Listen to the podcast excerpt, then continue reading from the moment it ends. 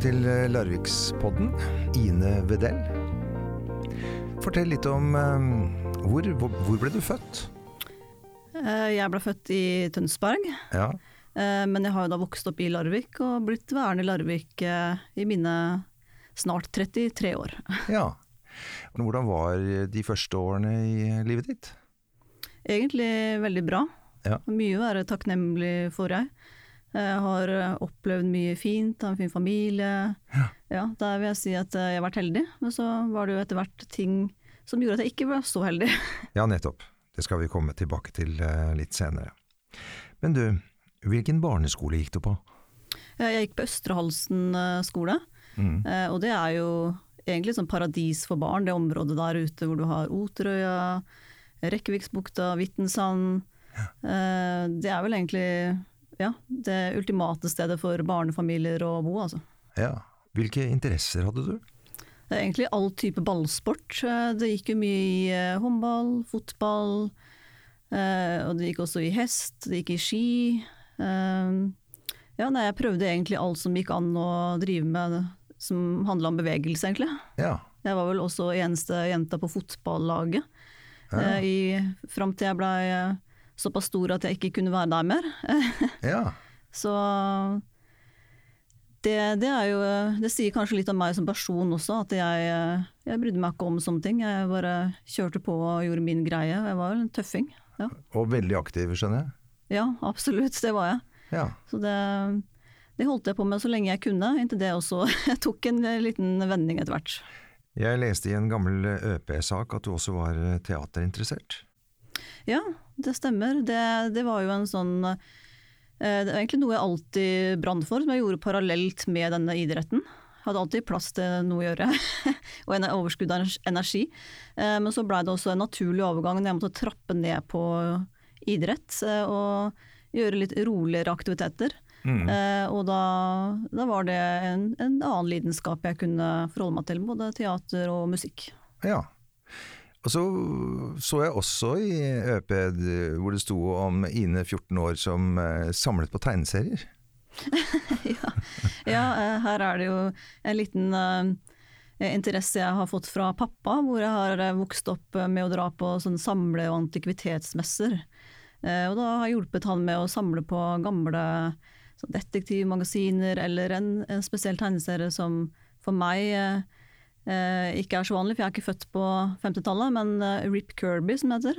Jaha. Eh, eh, Så det har vi samlet på og reist rundt. Eh, og- Og leitet også etter spesielle barnebøker fra den tida som pappa er født. Da. Så jeg syns det er litt fascinerende med tegninger og kvaliteten som ble lagd på den tiden, som vi mangler litt nå, syns jeg. Betyr det at det bodde en liten detektiv inne i Ine som hadde lyst til å oppklare saker? Eh, Kanskje ikke helt på den måten, men jeg er veldig sånn opptatt av rettferdighet, og at man ikke skal eh, holde ting skjult eh, for allmennheten f.eks., eller at man skal rett og slett behandle hverandre bra, at ja, det skal være rettferdig. Ja, Mm. skjønner. Em, du har jo nå nevnt at ting endret seg.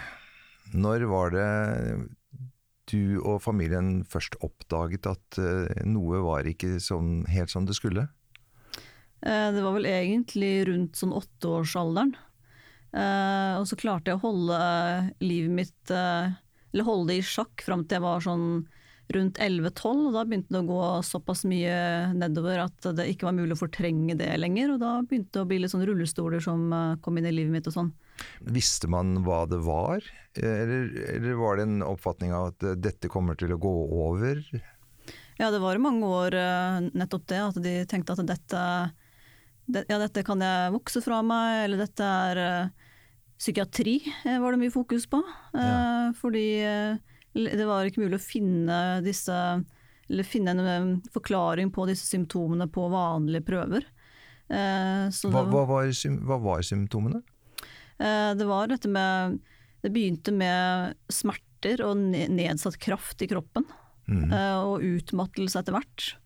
Eh, og så, det, så er det viktig å skille mellom det som eh, hvordan det begynner, og at man etter hvert at det får ringvirkninger. Det er jo naturlig å få mange ekstra konsekvenser av å gå med kroniske plager. Mm. Så det begynte med det, og så er jo det ikke alltid så lett å spore på disse vanlige prøvene. Eh, og, og da fikk jeg Eller jeg ble beskyldt for at dette var min feil, eller familien mins feil, høyt press fra pårørende. Eh, og, og etter hvert som tida gikk, så fikk vi jo forklart dette med at det var alvorlige muskelsykdommer som blei oppdaget på avanserte prøver som da utenfor det standardiserte systemet i Norge. Så det er klart at det er jo bittert å bli beskyldt for det, og for meg eh, jeg vil si uakseptabelt å beskylde familien min for hvorfor min kropp ikke er frisk. Eh, men eh, ja. ja. det må jo ha vært en eh, overraskende påstand. Vet du hvorfor legene mente akkurat det? Ja, nei, Legene tror jeg er litt vant til at det kommer inn sånn flink pike-syndrom inn på avdelingen. Uh, og når du ikke kan forklare det med type raumatiske tester som går ut på type leddgikt og ja, raumatisme og sånne ting, så er det ofte rett inn i barne- og ungdomspsykiatrien for å forklare problemet der. Det er det jeg erfarer med også også andre mennesker jeg snakker med. Uh, og da, ja, når ikke disse prøvene slår ut, så, så må man jo finne andre forklaringer på det. og det gjorde vi ikke med det første, fordi mm. det var såpass sjeldent det som da feiler meg. Men når det kommer en sånn eh, påstand fra helsepersonell rett i fleisen på deg, hvordan, eh, hvordan var det for deg? Nei, det var egentlig nesten like traumatisk som å ha den sykdommen i seg selv. Fordi mm. jeg ønsker ikke å se mine pårørende få skyld for noe som er så alvorlig, når vi er en varm, støttende familie uten noen som helst form for press. Mm. Vi er bare positive mennesker som har vært, eh, elska å være ute i naturen, gjøre ting sammen, støtte hverandre, ha god kommunikasjon. Det er liksom det sunneste relasjonen som går an, egentlig. Uh, så det er helt fryktelig og nesten utilgivelig, men jeg prøver jo å være en tilgivende person. Mm. Ja. Men hvordan var det å være deg på skolen og blant venner og måtte trappe ned aktivitet og sånt? Uh, når man ser tilbake tilbake nå, så tror jeg at jeg har fortrengt det såpass mye at jeg tenker at nei, det gikk fint, men det, er, det var nok ganske traumatisk. Mm. Men fordi, sånn som vi snakka om nå i stad, at jeg hadde et ganske bredt spekter av interesser. Jeg hadde interesse for musikk, og ikke bare være fysisk aktivitet. Mm. Så, så, fikk jeg på en måte funnet andre lidenskaper innen kreativitet, sånn som teater, musikk, eh, og skrive. Eh, og jeg elska å lære. Eh, sånn at jeg fikk på en måte mye ut av det, som kunne fylle opp for det tomrommet som er ganske traumatisk for et barn. Mm. Med musikk, eh, snakker vi om instrumenter og sang, eller? Ja, jeg gikk jo på Larvik kulturskole i mange år. Fra jeg var vel rundt uh, syv til jeg var 19. Mm. Det var fløytespilling. Ja. Eh, jeg har vært hos sangpedagog der. Ja. Og denne teaterforeningen uh, Galeiscenen i Stavern. Ja. ja. Eh, når eh, fikk du din første rullestol? Eh, når jeg var rundt 12-13. Ja. ja. Det var vel en stor overgang, eller var det behagelig å få en rullestol på det tidspunktet? Eh, det, var, det var jo helt krise. Fordi det er jo liksom Du er jo fjortis på den tida, eller i ferd med å bli det, så det er jo ikke det du vil ha inn i gangen hjemme. At det kommer en dame fra kommunen og bare hei, hei, her kommer uh, rullestolen din. Du vil jo heller gjøre helt andre ting på den eh, tida enn å havne i rullestol. Mm. Ja. I og med at du fikk det, så var det jo en grunn til det. Så da hadde du vel noen behov eh, for å kunne forflytte deg, eller? Ja, jeg hadde jo problemer med å gå. Det hadde kommet til det punktet at det, jeg hadde så store smerter og så eh, nedsatt kraft i kroppen at jeg kunne bare gå veldig korte avstander. Eh, og det gjorde jo at jeg fikk jo ikke vært med på så veldig mye. Eh, fordi jeg da i lengre tid hadde heller valgt å være inne, fordi jeg skamma meg over å måtte bruke rullestol. Mm. Fordi Samfunnet har jo en sånn oppfatning av at uh, når man skal bruke rullestol, da er man lam. Uh, og det var jo ikke jeg. Nei. og når man får mye stygge blikk og kommentarer og blir mistenkeliggjort eller beskyldt for at det er min feil eller familien min sin feil, så er det ikke sånn at man blir motivert til å gå ut og bruke de hjelpemidlene. Nei. Og selv om man ikke er eh, helsepersonell, sånn som jeg ikke er. Eh, hva er eh, diagnosen din? Ja, er, eh, Jeg har litt forskjellige tilstander, og det er, det er veldig sjeldne. Så noen er bare noen sånne rare tall. Eh, som er Det sies faktisk Det er vel ved Massachusetts General Hospital, heter det. Vanskelig å uttale. Eh, de sier at der er jeg en av de eneste i verden som har det ene funnet. Eh, mens den mer normale diagnosen jeg har, som også omtales som sjelden, eh, det heter Lambert-Eaton syndrom. Og det er en myosteni, som betyr at muskulaturen blir svak. Det blir alltid svakere og svakere, eller har det stoppet opp, eller hva er situasjonen? Ja, det er, en, det er ikke en, en, eh, sykdom som er nedadgående. Den er eh, en stabil, eh, en stabil tilstand, men den kan bli forverra i perioder hvis jeg utsettes for infeksjoner eller eh, presser meg i, for mye fysisk. Da. Og da handler det også om at immunforsvaret ikke er sterkt nok, eller er det eh, Det er jo en autoimmun sykdom, eh, som, som betyr at kroppen går til angrep på seg selv. Eh, så det er klart at jeg har ikke verdens beste immunforsvar, så når, eh, når du får type influensa, da, så, ta, så, gjør det at muskulaturen blir svakere og dårligere. Du har vanskeligheter med å hoste, puste, eh, det går utover synet. Det, det, kan være, det kan ha ganske alvorlige konsekvenser, men som da kan gå tilbake til et stabilt nivå igjen. Men det kan ta lang tid. Mm. Så det er, det er mye mer alvorlig å få en infeksjon for meg enn det er for andre. Og det som da blir et lite dilemma, tenker jeg, eh, for det husker jeg selv tenkte når jeg så deg, så ser du jo ut som en helt vanlig, normal, oppegående, flott menneske, ikke sant? Og, og, da blir det jo litt uh, merkelig å plutselig se deg gående i det ene øyeblikket, og så sitte i rullestol i det andre øyeblikket. Får du noen reaksjoner på sånt? Ja, jeg får vel reaksjoner på det sånn omtrent hver dag, egentlig. Ja. Så det har vel egentlig blitt min sånn oppgave i livet, nesten, å prøve å opplyse litt mer om det i samfunnet. Fordi det, jeg syns det er så synd at vi ikke har kommet lenger på det området. Eh, jeg har stor forståelse for at det er sånn, men jeg føler at vi er et så moderne samfunn at nå må vi komme litt videre på det. Eh, for det er en stor andel mennesker som faktisk kan gå, som er rullestolbrukere. For en rullestol er et hjelpemiddel for å komme seg fra A til B. Mm. Eh, og man vil jo gjerne komme seg liksom utenfor den radiusen man eh, ikke kan gå selv. Det er litt sånn som at man, man tar fly til eh, Gran Canaria. Hvorfor mm. det? Jo, fordi man kan ikke gå til Gran Canaria, ikke sant. uh, mens jeg, jeg, kan ikke gå til Kiwi eller Meny. Da må jeg bruke rullestol. Ja. Og det er litt samme prinsippet, at uh, man vil oppleve ting der man ikke kan gå. Ja. ja. Har du prøvd å se hvor langt kan du gå? Ja, men det har jeg fått uh, eh, testa på den harde måten mange ganger, ja.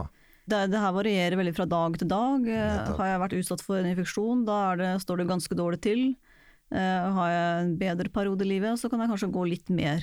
Ja. Men så handler det litt om at kroppen er liksom en sånn batteri. Da, at du har en viss mengde energi i løpet av en dag, og så må du på en måte dele det, eller dele det opp i løpet av dagen, og tenke litt på morgendagen også. Ja. Så, og da er den rullestolen med på at jeg får vært med på mer enn det jeg ville gjort uten. Nettopp. Ja. Så, og da er det jo en del planlegging, rett og slett. da. Og sikkert avlysninger også, av ting du planlegger. ja, man blir liksom veldig ufrivillig en planlegger. Mm. Man, jeg er egentlig en spontan person i Kall det i min sjel, hvis det skal være litt sånn dramatisk. Mm. Eh, men jeg er tvunget til å planlegge veldig mye av det jeg gjør, for å fungere og få med meg det jeg skal i løpet av en dag. Ja. Men du er ferdig med å bli skuffet hvis du planlegger noe og ikke gjennomfører, eh, håper jeg? Eh, nei, egentlig ikke. Jeg føler at ja, min forsvarsmekanisme der er at jeg sier til meg selv at det å bli skuffa, det var et tegn på at jeg fortsatt har lyst til å gjøre masse. Mm. Og da har jeg på en måte spiriten i meg fortsatt. Ja, for Hvis man går inn på din eh, Instagram-konto som heter eh, My Heels and Wheels, stemmer ikke det? Jo, absolutt. Og du er jo også på TikTok?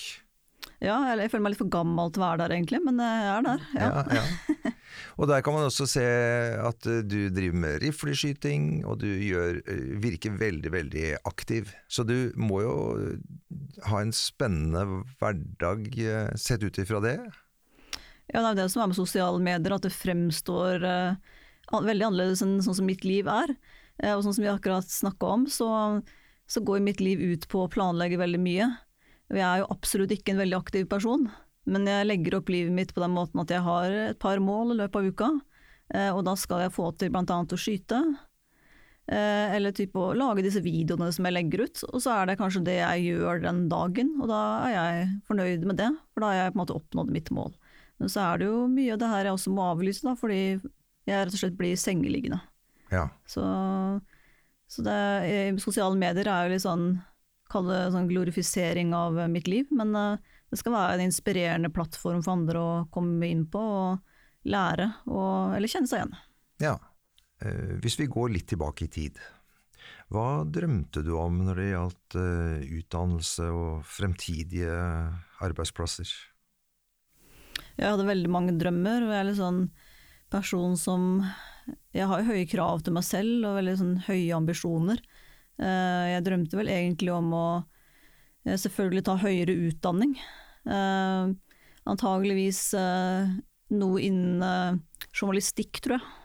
Mm. Det er vel det som har vært min sånn lidenskap hele livet, å skrive og mennesker og media og lese nyhetssaker jeg er også interessert i forskning og vitenskap, så det, det hadde vært kjempespennende å kunne gjøre det videre. Men det har altså helsa mi stoppa meg fra å kunne gjøre. Men jeg har funnet en bra løsning ved å drive litt med frilansjournalistikk. Mm. Ja.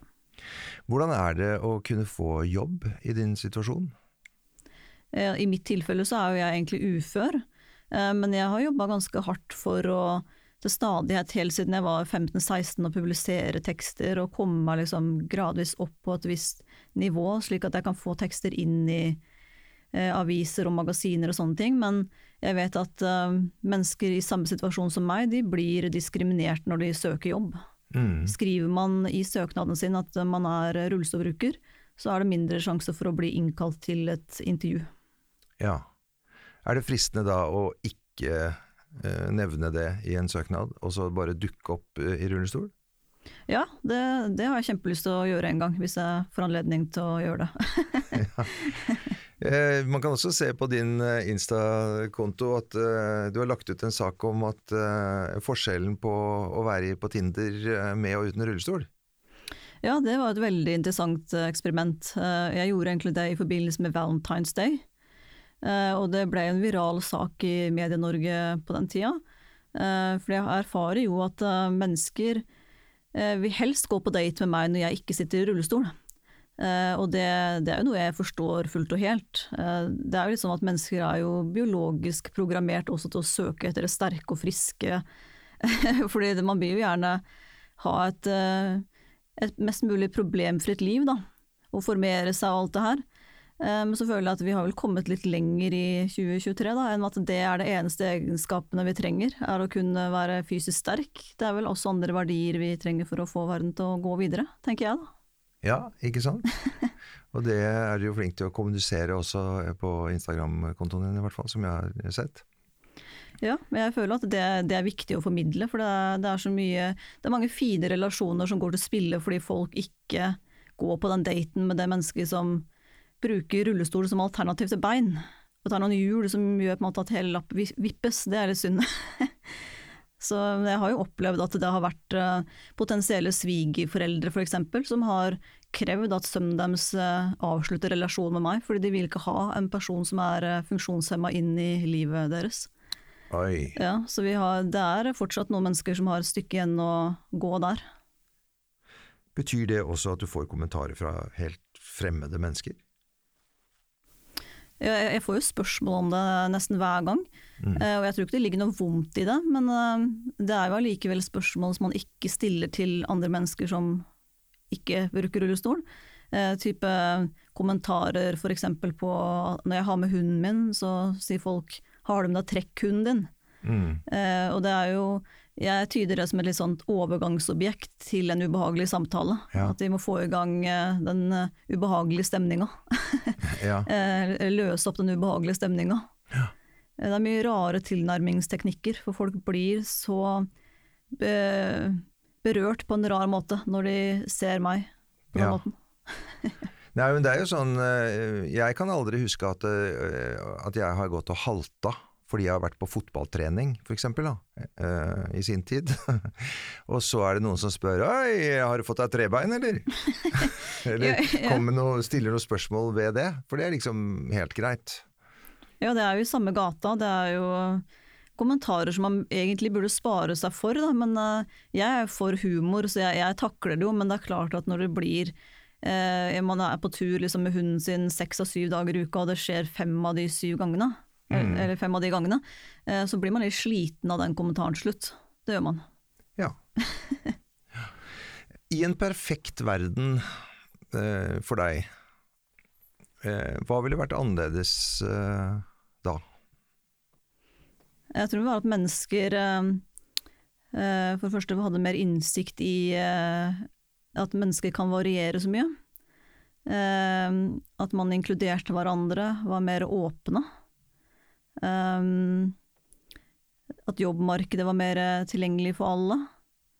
At det her med relasjoner også, at man kunne se på hverandres verdier på en litt annen måte. Ja, at jeg ikke trenger å føle meg annerledes hver eneste dag, nesten. For det, mm. det, er, det, er, en veldig uh, tung følelse som jeg ikke unner andre å føle på. Eh, for det er samfunnet som la, eh, Fordi et samfunn ikke er tilrettelagt for eh, funksjonshemma, så får det oss til å føle oss så annerledes. Og det, vi er egentlig ikke så annerledes. Og, og med samfunnet så er det på en måte staten og kommunen?